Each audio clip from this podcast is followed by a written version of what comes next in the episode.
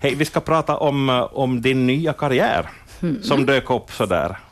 Hux flux, eller vad ska man säga? Mm, Ja, precis. Uh, ska vi kalla det karriär? Ja, no, gry, Mm.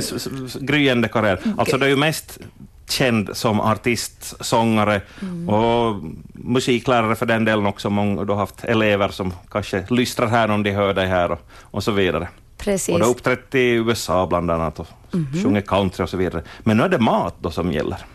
Ja, mat är det. Och, eh, och kan man ju fråga sig då, att varför just det? Nå, för det första så behöver vi alla äta någonting varje dag och sen passionen för mat så har funnits alltid för att min pappa, som inte finns längre, så, men han var, han var en sån här kock i vårt hushåll, vårt hem. Och jag tror att inspirationen har jag fått därifrån och, och mamma har alltid tyckt om att baka. Så att hela det där så har nog funnits där sen barnsben. Ja, Ja, så att intresse så, så um, finns. Och, um, eller passionen ska vi säga, det har kanske blivit mer till en passion.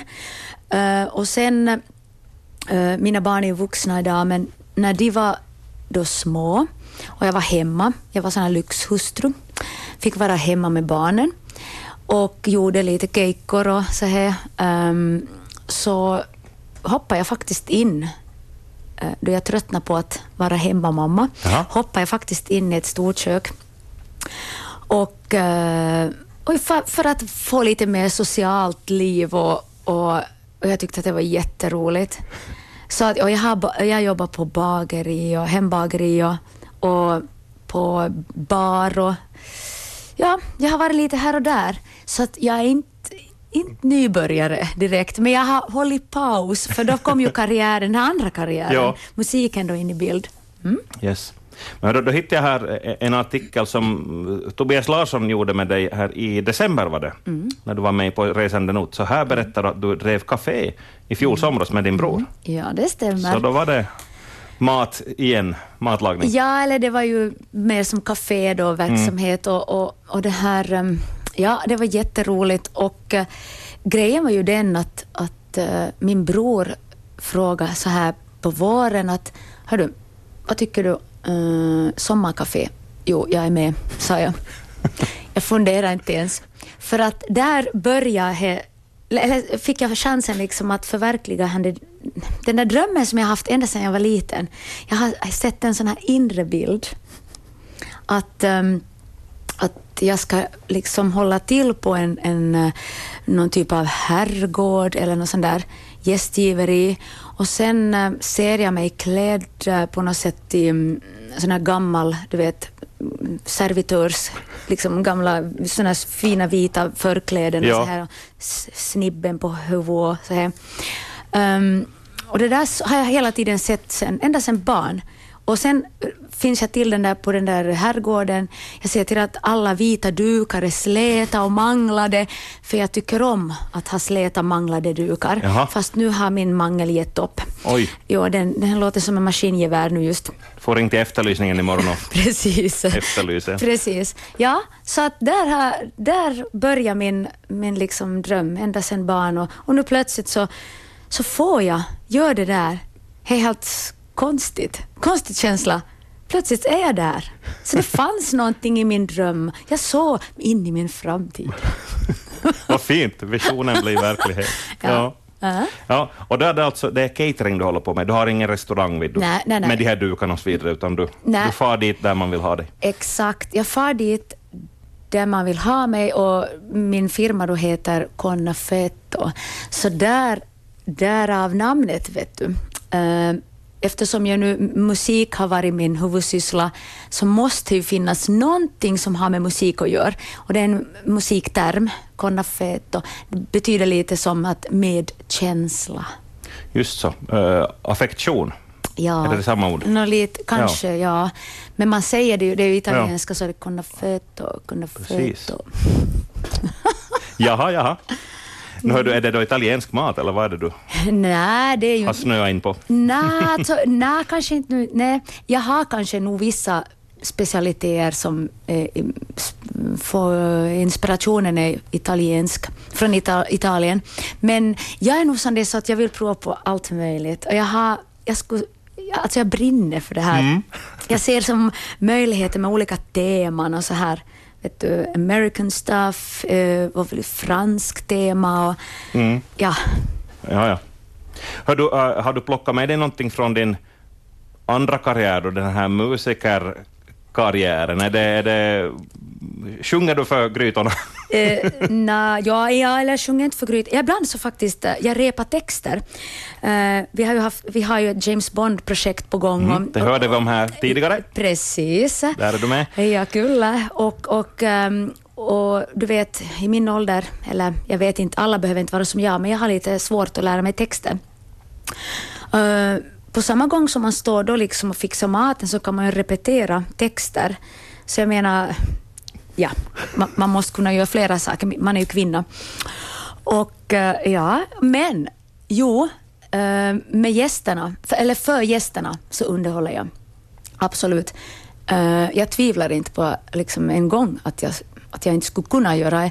Ibland blir det ju stressigt, men har man större gäng så har jag alltid förstås extra folk också, personal. Och då får de ta över um, så länge jag underhåller. Men vet du, en, en låt är ju max fyra minuter. Ja. Så fem minuter max är jag framför gästerna i, åt gången att, att um, uh, det är värt det.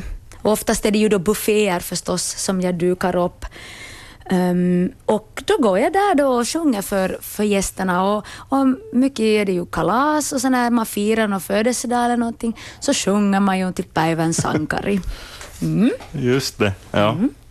Hörru, du berättade att själv har du haft den här visionen ända sedan barnsben, där, mm. med de här dukarna och så vidare. Allting. Mm. Men din, din, din omgivning, hur reagerar de när, det liksom, när du börjar berätta att nu är det här på gång? Positivt. Otroligt positivt. Det är många som har sagt att okej, okay, nu är du på rätta, nu är du i ditt esse och så här. Ja, ja. Och, och uh, fantastiska är att jag är inte rädd. Jag är inte rädd att prova nya saker mm. och jag är verkligen inte professionell ännu inom det här området. Utan jag, jag bygger ju på hela tiden och, och, uh, och jag ska nog avslöja att jag, jag faktiskt försöker ta en kockexamen också, så här på sidan mm. om. Och uh, jag gör då sådana yrkes prov och examen och så. Så jag har gjort då eh, en del av det, men jag har ju en stor del kvar. Eh, och det är väl kanske mer för att liksom få lite bekräftelse att nu kan du det här nu.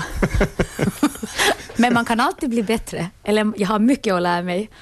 Mm? Ja, precis. Det är bra att vara ödmjuk och så vidare. Ja, absolut. Ja. ja. Hör, om vi ska prata lite så filosofiskt om någon annan, uh, eller om någon hör det här förhoppningsvis, sitter och mm. hör på Yle Vega mm. och tänker att ja, jag har nog det här jobbet som jag haft i x antal år, men jag har funderat på det här. Mm. Det här att våga ta språnget. Mm. Har du något råd att ge här? Eh, jag vet den där känslan. Man, eh, man är rädd att ta steget från den där så kallade tryggheten. Man blir ju trygg med det som man gör varje dag, oavsett hur trött man än skulle vara att fara till jobbet och tycka att oh, vad jobbigt, har vi trött idag. Mm. Uh, och egentligen så är det ors orsaken oftast att man är på fel ställe eller inom fel bransch. Um, det behöver inte alltid vara liksom att man är, man är dålig i form överlag eller sjuk på något sätt, utan det kan faktiskt vara omedvetet. Mm. Ett fel val man har gjort. Uh, no, ja, jag fick ju ett, en förfrågan då på ett stort uppdrag som var då mitt stora första uppdrag. Därför startade jag catering och eh, där fick jag på något sätt en kick. Hemska saker, jag måste ha catering, inte kan jag ju fixa mat om inte jag har catering. Och, vet du, och, och, ja. och jag tog ju alla de här hygienpassen och, som man behöver ha då allting. Ja. Jag gjorde allt det där i ordning innan. Och, ja, så att äh, råd. Um, våga faktiskt. Jag vet att det är svårt. Jag är helt medveten om att det är jättesvårt. Men det är nog bara att sparka sig själv och göra ett beslut. För det visar sig alltid, om man är på rätt spår, så visar det sig ganska snabbt. Det bara funkar. Mm. Ah, liksom, man får flyt. och, och om man är på fel ställe, så känns det helt, hela tiden som man skulle bli motarbetad. Så lita på det. Ja. Den inre rösten. Den inre rösten. ja, du sa att din omgivning reagerade positivt, mm. så du fick stöd därifrån ja, också. jättemycket. Har du något att säga åt, om nu någon har någon i, någon i, sin omgivning som får sådana här tankar? Mm. Att va, hur bör de behandla den här människan? Man ska inte hålla tillbaka eller lite fötterna på jorden också, men att äh. du, som egenskap av medmänniska till någon som vill förverkliga en dröm och sådär.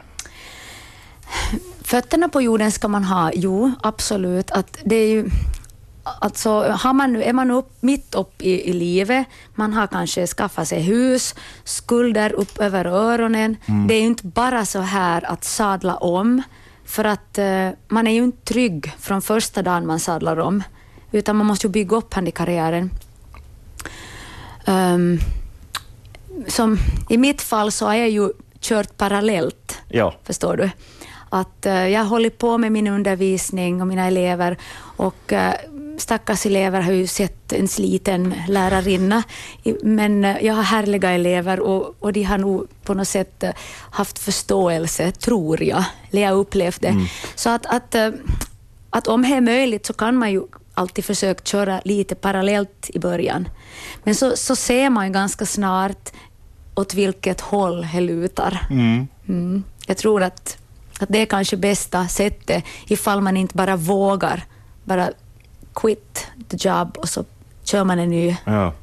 Det beror på hur mycket ansvar man har för familj och barn och så vidare. Precis också. Det, det är ju precis det. Hur galen man kan släppa sig. Exakt, exakt. Och jag har ju vuxna barn så att jag har Ja, oftast klarar de sig själv.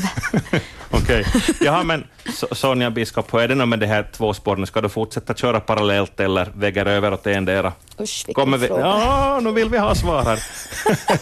Blir det några mer konserter, jo, nej. skivinspelningar ja. och allt det här livet, vet du? No, vet du, konserter blir det nog. Mm. Det ger jag aldrig upp, tror jag. Alltså, det är nog, är nog någonting bara som det ligger nog så nära mig. Men vad jag nu redan har lite minskat på är ju undervisningen. Att uh, jag kör, ska vi säga, en dag mindre i veckan. Det låter kanske inte så mycket mindre. Och sen kan jag ha då ibland två eller tre upp, cateringuppdrag, sådana mindre, mm. i veckan. Men uh, mm, det där är en jättesvår fråga. Um, scenen lämnar jag aldrig. Det gör jag inte. Vi hade ju här med Markus Lytz och hans vänner på Vasateatern runt julen, så hade vi då konserter och jag hade en massa julbufféer hit och dit och jag var liksom eh, jag, jag, jag drunknade alla eh, nötstekar och, och, och sallader och, och lådor och hit, ditt och datt. Um, så varje, före varje föreställning, när jag körde till teatern, så satt jag och, och liksom visualiserade och intalade mig själv du ska stå på scen, du ska stå på scen, nu står jag på scen. För att släppa liksom här i maten. För ja. att det var maten i fokus vet du, då man har mycket mycket... Visst kan du börja sjunga något recept där på scen plötsligt? Ja, men precis. Hacka löken. jo, så där kanske det blev lite too much faktiskt. Ja, ja. Det kan jag ju påstå att eh, jag blev lite sliten faktiskt. Men, eh, men eh, jag repade mig ganska snart.